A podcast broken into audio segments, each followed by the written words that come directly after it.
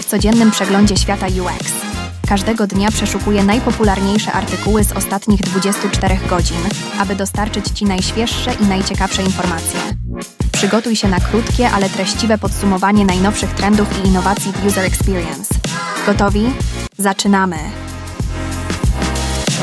Dzisiaj, 22 stycznia, zapraszam Was na kolejną odsłonę UX Shortcast. W artykule numer 1 zatytułowanym Musimy porozmawiać o sztucznej inteligencji i zdrowiu psychicznym. Neil Dozome omawia złożoną rolę SI w terapii rozmowy. Jak to zostało uwydatnione w serialu Netflixa Morderstwo na końcu świata.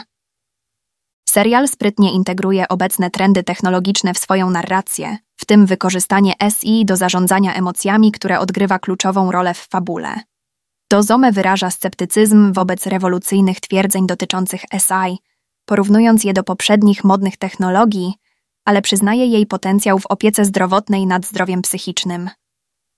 Powołując się na przegląd wykonany przez Minerwę i Jubiliniego, artykuł sugeruje, że SI może albo znacznie poprawić wyniki leczenia pacjentów z minimalnymi wadami, albo oferować ulepszenia przyćmione przez problemy takie jak koszty i prywatność danych.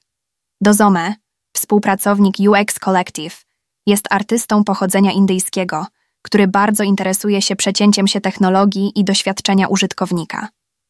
W artykule numer 2 pod tytułem Airbnb kontra Booking.com, która strona ma lepsze UX, zagłębiamy się w strategię doświadczenia użytkownika dwóch gigantów podróży online. Historycznie Booking.com spotkał się z krytyką ze względu na swoje agresywne taktyki sprzedażowe, stosując ostrzeżenia wpływające na presję, takie jak zostały dwa pokoje, aby napędzać rezerwacje.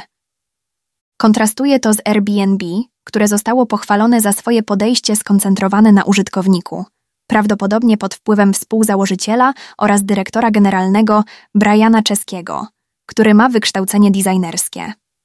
Artykuł kontrastuje sukcesy inwestycyjne obu firm, podkreślając imponujący wzrost Airbnb, począwszy od inwestycji Sequoia Capital w 2009 roku do jego obecnej wyceny oraz podróż Booking.com z małego holenderskiego startupu nabytego przez Priceline w 2005 do dziś wartej 120 miliardów dolarów.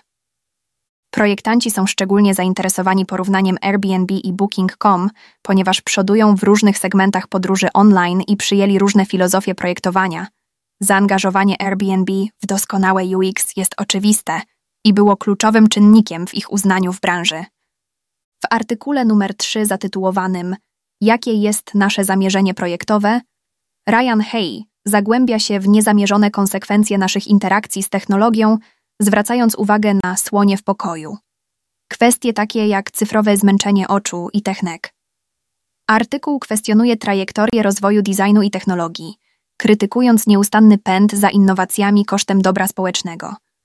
Zwraca uwagę na problemy wynikające z naszych cyfrowych połączeń, takie jak niekontrolowane przewijanie informacji i uzależnienie od technologii cyfrowych, oraz wyraża obawy, czy sztuczna inteligencja nie pogłębi tych problemów. Ryan H. proponuje alternatywny kierunek skupiony na dobrostanie cyfrowym i minimalizmie, prezentując produkty i aplikacje, które sprzyjają zdrowszym interakcjom z technologią.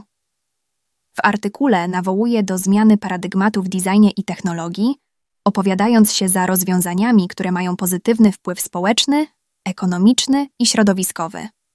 Artykuł kończy wezwaniem do projektantów, aby wyruszyli na niezmapowane terytorium i stawili czoła tym krytycznym problemom. W artykule numer 4 przewodnik alchemika do UX Jun Kang przeprowadza paralele między lekcjami z książki Paulo Coelho Alchemik a dziedziną projektowania UX.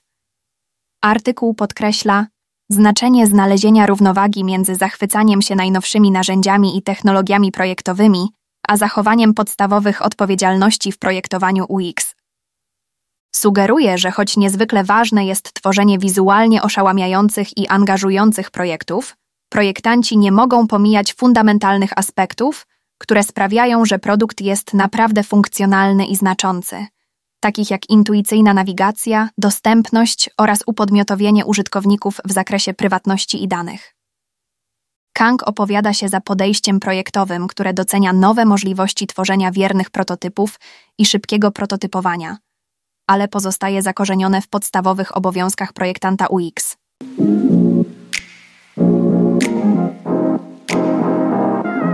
Dziękuję za wysłuchanie i zapraszam na kolejną dawkę wiedzy już jutro.